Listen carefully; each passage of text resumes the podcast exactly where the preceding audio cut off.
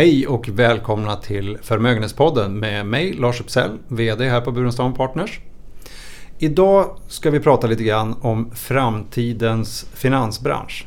Och eh, med mig idag för att berätta mer om det är Anders Zackisson, eh, strateg inom Förmue-koncernen. Välkommen! Tack så mycket, det är trevligt att vara här. Eh, du Anders, kan du inte berätta lite kort, vem, vem är du? Jag har arbetat i 20 eh, år i finansbranschen och eh, jobbar just nu som ansvarig för strategi och varumärke. Den typen av saker. Som du sa i Förmue-koncernen där ju Burenstam och Partners ingår. Vad, vad är det mer än Burenstam och Partners som ingår i Förmue-koncernen då? Framförallt så är det ett bolag som heter Förmues förvaltning och det är egentligen samma typ av bolag som Burenstam och Partners. Men lite större, eh, ungefär 250 eh, anställda eh, personer. Eh, och eh, med 17 kontor runt om i Norge. Eh, och eh, vi förvaltar tillsammans eh, lite över 80 eh, miljarder i den koncernen. Och det finns lite mindre bolag intressant runt det här också? Ja, det stämmer. Eh, det är flera olika eh, delar. Eh, vi har också Kron som är våran heldigitala sparrådgivare som just nu växer väldigt snabbt i Norge. Och vi har också en institutionell rådgivare som heter Griff så det är ju tillsammans då Förmue-koncernen.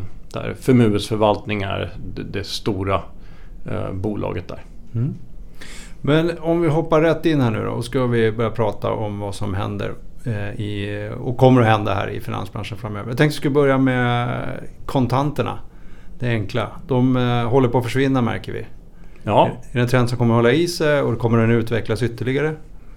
Ja, det är ju Eh, Eh, alldeles tydligt för alla som bor i Sverige att vi håller på att gå ifrån den eh, fysiska plånboken eh, med kontanterna i till en digital plånbok. Och där ligger ju både Sverige och Norge väldigt långt fram i jämförelse med till exempel USA. Så det är ju en utveckling som säkert bara har börjat där du ju har. Eh, I många fall så ser du bara eh, dina pengar som en summa på din mobilapp eller internetbank och, och så vidare. Absolut. Mm. Eh, och tror du här, om vi tar det med bitcoin och den typen av nya valutor som växer fram. Ja. Eh, är det en förlängning av det eller är det något helt annat? Är det någonting som du tror kommer fortsätta? Uh, där kan man börja med att säga så att som jag tänker på det lite grann så är det liksom den digitala plånboken där är ju internetbanken och så vidare och enkelt att betala via mobilen och, och den typen av saker. Och sen så kommer du då till kryptovalutan. Eh, och det är ju något eh, helt annat. Eh, där är det ju där, där blir man av med centralbanken som garant egentligen och, och har så att säga använder dig utav blockchain istället som är en teknologi som enkelt översatt kan vara då eh, garanten och, och, kontraktet i, istället eh, i den valutan. Eh, och sen om, om det är bitcoin så brukar jag tänka på dem lite grann kanske som Altavista en gång i tiden. Och för alla som eh, är i min ålder så minns man säkert att Altavista var den stora sökmotorn på 90-talet. Eh, och det trodde man väl eh, skulle vara så även 2020. Eh, sökmotorn finns ju kvar men, men jag tror inte att mina döttrar kommer att känna till Altavista. Men de kommer nog att veta vad Google är. Eh, ja, intressant. Och så har vi ju sett eh, Riksbanken, för de som hänger med här och läser det. Så svenska Riksbanken är också inne och gör, kanske inte kallar man det kryptovaluta eller e, e-krona. Det, ja precis, det kanske är vad jag skulle kalla en digital valuta. Mm. Uh, och så är det min uh, egen uh, uppdelning utav dem. alltså, att det har funnits en garant bakom myntet eller sedeln eller valutan. Det har vi ju haft i ja, över 2000 år. Ända sedan kanske lydierna någon gång då man satte ett stämpel där på kungen. Och, och, och det, där, där är väl den stora skillnaden om det är staten som är garant eh, eller om det är en, en en annan typ av eh, garant som ligger i själva valutan. Då. Och så finns det massvis av olika kryptovalutor. Eh, det finns eh, eh, Vegan Coin till exempel. Som ju också är spännande där man liksom har programmerat valutan för ett särskilt ändamål. Som kanske får sitt eget ekonomiska kretslopp med vissa typer av konsumenter och vissa typer av leverantörer och så vidare. Intressant. Det här med ändamål. Kan du ge några exempel? Vad skulle det kunna vara? Ja, det, ja, I det fallet som jag sa nu med eh, Vegan Coin eh, så är ju eh, så att säga det, det, det, är ju en community av eh, likasinnade eh, konsumenter eh, som, som skapar sitt eget eh, kretslopp helt enkelt med det ändamålet som är att man vill uttrycka en viss identitet och kan göra det kanske hela vägen igenom ja, ska vi säga, hela det ekonomiska flödet. Då. Ja. Eh, vi släpper valutan eh, och hoppar vidare på investeringar. Det ligger mm. ju oss i Burenstam. Eh, det är ju någonting som vi jobbar väldigt mycket med. Eh, någonting som debatterats under ganska många år nu är ju det här med passiv aktiv förvaltning. Eh, eh, hur ser trenderna ut där? Uh, passiv förvaltning då om vi ska se det som någonting som är eh, kanske styrt av ett särskilt index eh, eller någon form av algoritm eh, som ersätter det som kanske är en aktiv förvaltning. Så säg att den aktiva förvaltningen typiskt sett där har du ett gäng människor som försöker att investera i en portfölj bättre än ett index eller bättre än marknaden. Medan den passiva förvaltningen försöker att så billigt som möjligt eh, göra likadant som marknaden eller som index. Då. Eh, och det är ju en jättestor eh, trend som vi har sett eh, under många, många år. Eh, I USA så i augusti förra året så gick eh, den passiva typen utav investeringar förbi eh, den aktiva. Så att det är nu den största och vanligaste formen som den amerikanska småspararen använder. Det är helt enkelt datorer som förvaltar mer pengar i USA än vad det är människor? Absolut. Ja. Och det här innebär att det blir billigare. Ehm, och du brukar, vad, vad, vad, tror du, vad är gränsen för vad, vad det kommer att kosta?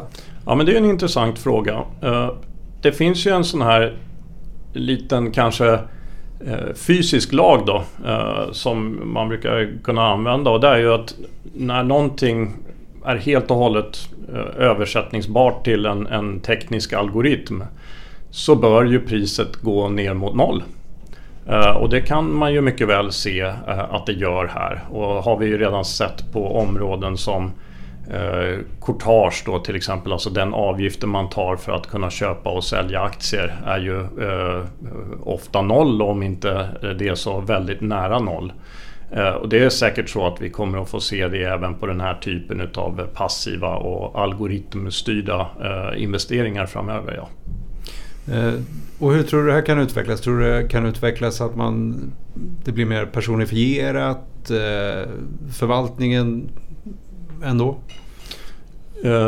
Det tror jag. Jag tror för nu, där vi är nu så eh, är det nog så att de flesta kunder eh, behöver hjälp med kanske en mix utav vad som ska vara de här passiva placeringarna och eh, vad som fortfarande eh, är bättre att ha aktivt.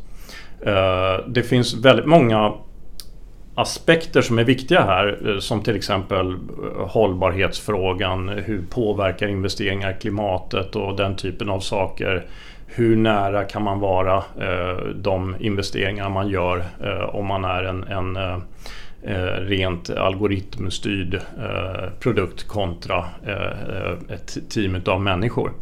Eh, så det är säkert en övergång som eh, kommer att ta lite tid. men att det, är en, att det kommer att vara en viktig del framöver, det råder ingen tvivel om. vi skulle lämna kanske investeringarna lite grann och så tittar vi vidare på, alltså finansbranschen är ju, om vi tittar i Sverige i alla fall, eh, lång tradition av banker och så ser det väl ut i USA och lite grann internationellt i allmänhet. Eh, de här stora produkterna, det här traditionella. Eh, du menar på att det kommer ändras till man söker oberoende och en separation mellan produkter och, och tjänster. Kan du utveckla det lite grann? Ja, eh, oberoende, eh, det vill säga att erbjuda en tjänst som egentligen är frikopplat ifrån de produkterna eh, som man eventuellt behöver för att lösa det.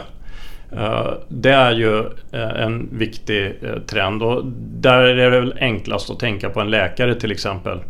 Kommer man till läkaren med ett eh, eh, problem som den läkaren ska hjälpa en med så tror jag nog de flesta förutsätter att den läkaren inte eh, Eh, sitter och vill sälja eh, en särskild packe eh, mediciner eh, eh och läkemedel eh, som, som, som den läkaren helt enkelt representerar. Utan man förväntar sig att få eh, de, de läkemedlen som, som passar bäst för, för, för de symptomen man har. Och det är ju precis samma utveckling vi kommer att se i finansbranschen. Att du kommer med ditt behov och ditt problem Eh, och du får en rådgivning eh, som är separerad ifrån eh, de produkterna som, som man sen kanske väljer att, att investera i eller, eller anmäla sig på och så vidare. Mm. Och den här trenden, var, var, var drivs den fram någonstans? Var, var kan man se den tydligast idag? Där tror jag USA är en bra eh, eh, ska vi säga, måttstock att titta på. Eh, där har vi under de senaste tio åren sett att ungefär en fjärdedel utav marknaden har förflyttats ifrån den traditionella eh, ska vi säga, produktleverantören till eh, den här mera oberoende rådgivaren. Då. Och den delen av Eh, ska vi säga, oberoendet är ju viktig både för den typen utav startups som vi ser mycket eh, både i USA och Sverige. Eh, fintechbolag om det är så, kallade robo-advisors eller robotrådgivare. digitala låneutgivare digitala försäkringsbolag och så vidare så är det nog ofta så att de marknadsför sig som oberoende och frikopplade ifrån eh, produkter. Eh, och även sådana typer av renodlade rådgivare som då Burenstam och Partners och förmögenhetsförvaltningar. Mm. Eh, intressant USA. Var, du var inne också på Sverige där. Eh, eh, tror du att det här kommer växa starkare? De, de har väl lite utmaningar eh, de här också, de här små aktörerna i en liten marknad som Sverige? Uh, om vi då är inne på de heldigitala uh, aktörerna som, som det kommer många utav nu. Det är klart att de, de har en stor utmaning framöver uh, och det är ju att de är lågkostnadsalternativ. Vilket ju innebär att du ska ha väldigt många kunder för att bli lönsam. Eh, och det är ju eh, det är alltid en utmaning. Eh, vi kan ta exempel ifrån... Nu har jag jobbat så länge så jag kommer också ihåg när internetbanken kom. och då var det faktiskt så att tidigt där så trodde man att många utav de nya spelarna som kom fram då. Jag minns någon som hette E-bank Eh, det fanns eh, Virgin Money, det fanns Wingspan och så vidare. Det var många nya eh, namn som kom upp då. Man, man tänkte lite grann ett tag att de skulle nog wipa ut de, de, de gamla bankerna som hade sina kontor och så vidare. Så är det ju så att när, när bankerna vaknade till och, och erbjöd samma tjänster så gick det rätt fort för dem att, att eh, konvertera många utav sina kunder in på de här. Och nu Eh, så är det ju fortfarande eh, samma banker eh, som, som det var då. Och där lyckades inte så många slå sig in. Vi kanske har i Sverige sett Skandiabanken eller Avanza och Nordnet och, och de spelarna som några stycken men, men de är fortfarande mycket mindre än, än vad bankerna fortfarande är. Om det blir så med de här nya digitala tjänsterna det, det, får vi se men, men de har i alla fall en utmaning nu att, att visa att de kan vinna många kunder. För det är det som är eh, det viktiga, vinna många kunder. Du, du pratade tidigare här med att när, när det blir algoritmer så går det mot noll och det är väl samma sak här. Du har en eh, oändlig skalbarhet. Vilket innebär att du kan ta ner priserna väldigt lågt. Ja, men då ska du också ha väldigt många kunder. Och du nämnde ju det tidigare. Är det svårt i, i Sverige? Eh, ja, alltså Sverige och Norge och Danmark och Finland. Det är eh, små marknader. Eh, och det kanske är så att de här eh, bolagen egentligen ska ha många miljoner kunder. Och det är oftast eh, i större marknader som Kina och USA där man verkligen kan lyckas med de typen av att vinna så mycket marknadsandel. Mm. Eh, vi får följa den marknaden. Men vi hoppar vidare och tänkte vi skulle prata om... Det blir väl egentligen en generationsfråga men vi, vi, vi, den här området döpte vi till diskretion och eh, från diskretion till ansvar. Ja, det är en intressant eh, företeelse. Eh, och då kan jag använda samma tankekedja igen. Att går vi tillbaks 20-30 år i tiden och var man, hade man då mycket pengar så var det kanske inte ovanligt att eh, man önskade att lägga de pengarna i Schweiz eller eh, något eh, skatteparadis och kanske vara så diskret som möjligt och, och gömma undan de pengarna lite grann. Kanske ifrån samhället så. Det var lite hårt uttryckt men, men bara som en jämförelse. Så tror vi nog att det kommer en ny generation utav kunder som inte tänker så. Eh, utan som tänker väldigt mycket på vilken påverkan eh, de här pengarna har i samhället och, vill att de här pengarna ska vara en del utav eh, samhällsutvecklingen. Så där kan vi nog se ett väldigt stort skifte. Så tar jag upp det nu lite som en generationsfråga. Eh, och det kommer det nog att, att vara eh, i de stora talen. Men det finns väldigt många kunder som är 70 och 80 och tänker så redan idag eh, också. Ja, det kan jag skriva under på att vi märker av det från kunderna att det är en viktigare och viktigare fråga hur man placerar pengarna och vilken påverkan man gör på olika sätt. Eh, antingen vill man göra en direkt påverkan eller en fundering runt hållbarhetsfrågan till exempel. vilken påverkan pengarna gör. Absolut, och det är vi intresserade av när vi köper våra kläder på Hennes och Maurits. Eh, hur värdekedjan ser ut bakåt eh, och det kommer vi att vara intresserade av när vi placerar våra pengar på samma sätt. Mm. Eh, en annan fråga just lite kanske på temat med påverkan och annat. så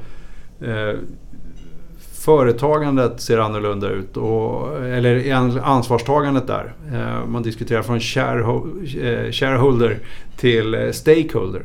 Ja. Det, är, det, har vi nog diskuterat ganska länge men jag tycker kanske att 2019 var det året då, då den frågan slog igenom ordentligt. Och den, enkelt uttryckt så Eh, när jag själv gick på universitetet och läste ekonomi eh, så var det väldigt tydligt uttalat att syftet med ett bolag är att maximera värdet för aktieägarna. Eh, och det kommer ju från Nobelpristagaren Milton Friedmans kända artikel i, jag tror New York Times på 70-talet eller någonting sånt. Och, och, och, och, så har man nog tänkt ganska länge. Uh, nu såg vi eh, uh, 2019 eh, en stor organisation som heter Business Roundtable som består av många av de största bolagen i världen som helt enkelt uh, definierade om syftet med ett, ett, bolag från det att maximera värdet till aktieägarna till att tänka på det som är stakeholders eller intressenter i en vidare grupp. Eh, och intressenterna kring ett bolag är ju förstås kunderna. Det är förstås de anställda. Eh, det är samhället i stort. Eh, det är leverantörer och så vidare. Så att tänka på att maximera nyttan för fler än bara aktieägarna det ökar ju givetvis ska vi säga, ansvaret för, för alla bolag och det hänger lite ihop med den förra tendensen eller trenden som du tog upp. Mm. Eh, sista området tänkte, som vi ska komma in på här innan vi ska liksom summera upp lite. Det, det är ju lite det här med eh, och det kanske också är en generationsfråga att, eh, och vi, har, vi märker av nu också tjänster som är annorlunda. Det här att man kanske inte äger på samma sätt utan man prenumererar på olika typer av tjänster. Jag vet, vi har Spotify som ju är svenskt också där man egentligen mm. prenumererar och har fri tillgång till all musik som de har då. Ja. Eh, det här tror du kommer fortsätta? Eh, absolut. Eh, jätteintressant område. Du gick och handlade DVDer. Man gick och handlade CD-skivor, vinylskivor och, och så vidare och ägde produkten. Eh, och vi köper fortfarande våran bil idag. Eh, men på DVD-sidan så är det ju Netflix eh, och då prenumererar ju du på en access till ett helt bibliotek. Och på musiksidan så är det Spotify. Samma sak, du prenumererar på en access till ett helt bibliotek och behöver inte längre äga CD-skivan eller vinylskivan då. Och det är väl på väg till samma sak kanske på bilsidan. Nu för tiden så köper vi svenskar en bil utifrån kanske den mest utmanande eh, resan under året. Du ska åka upp till Åre. Eh, du behöver en sjusäters säters SUV. Om man istället skulle kunna prenumerera på, ett, på en flotta av bilar så kanske du behöver en, en, liten smart bil under största delen av året. Men du kanske behöver den stora bilen för att göra de en, två resorna man gör. Eh, och, och, det kommer ju också förändra eh, det sättet vi eh, äger bilar på till kanske mer än en prenumeration då. Kanske vi får se detsamma i finansbranschen. Det skulle bli intressant att följa. Hur skulle det kunna se ut inom finansbranschen tror du? Ja, det kunde ju vara en liknande prenumeration där du har access till alla möjliga former utav olika produkter och investeringsmöjligheter och så vidare. Och kanske också Eh, rådgivning eh, men att du har det mer på en, en fast prenumerationsarvode eh, eh, än att du i varje transaktion ska eh, betala ett visst belopp. Eh, intressant. Men om vi nu summerar ihop allt det här och så du är ju ändå strateg för oss här på Burenstam Partner. Så, eh, hur tror du att vi kommer att se ut om vi skulle blicka, ska vi säga fem år fram, 2025? Till att börja med så tycker jag det är intressant att tänka på hur det kommer att vara för kunderna. Uh, och jag tror att kunderna framöver kommer att... Vi, vi går in i en era då allting handlar om hur bra upplevelser vi kan skapa för våra kunder. Det är kundupplevelsens era vi går in i. Kunderna kommer att få bättre tjänster. De kommer att få bättre resultat. De kommer att få mer påverkan med sina investeringar och vara mer medvetna själva.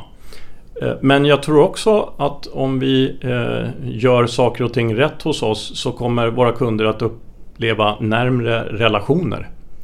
Eh, och det är ju någonting som vi tror att vi kommer att fortsätta att skapa med hjälp av våra duktiga rådgivare och våra duktiga advokater, investeringsexperter och så vidare. Men givetvis med mycket mer teknologi bakom dem. Vi lyfter fortfarande nog gärna fram eh, personerna år 2025 precis som idag. Det låter som en bra avrundning. Det, så ni kunder där ute som lyssnar, ni kan förvänta er mer framöver. Absolut. Mer och bättre. Stort tack Anders för att du tog dig tid att komma hit idag. Tack, det var trevligt att vara här. Och tack till er lyssnare för att ni har lyssnat och på återhörande längre fram.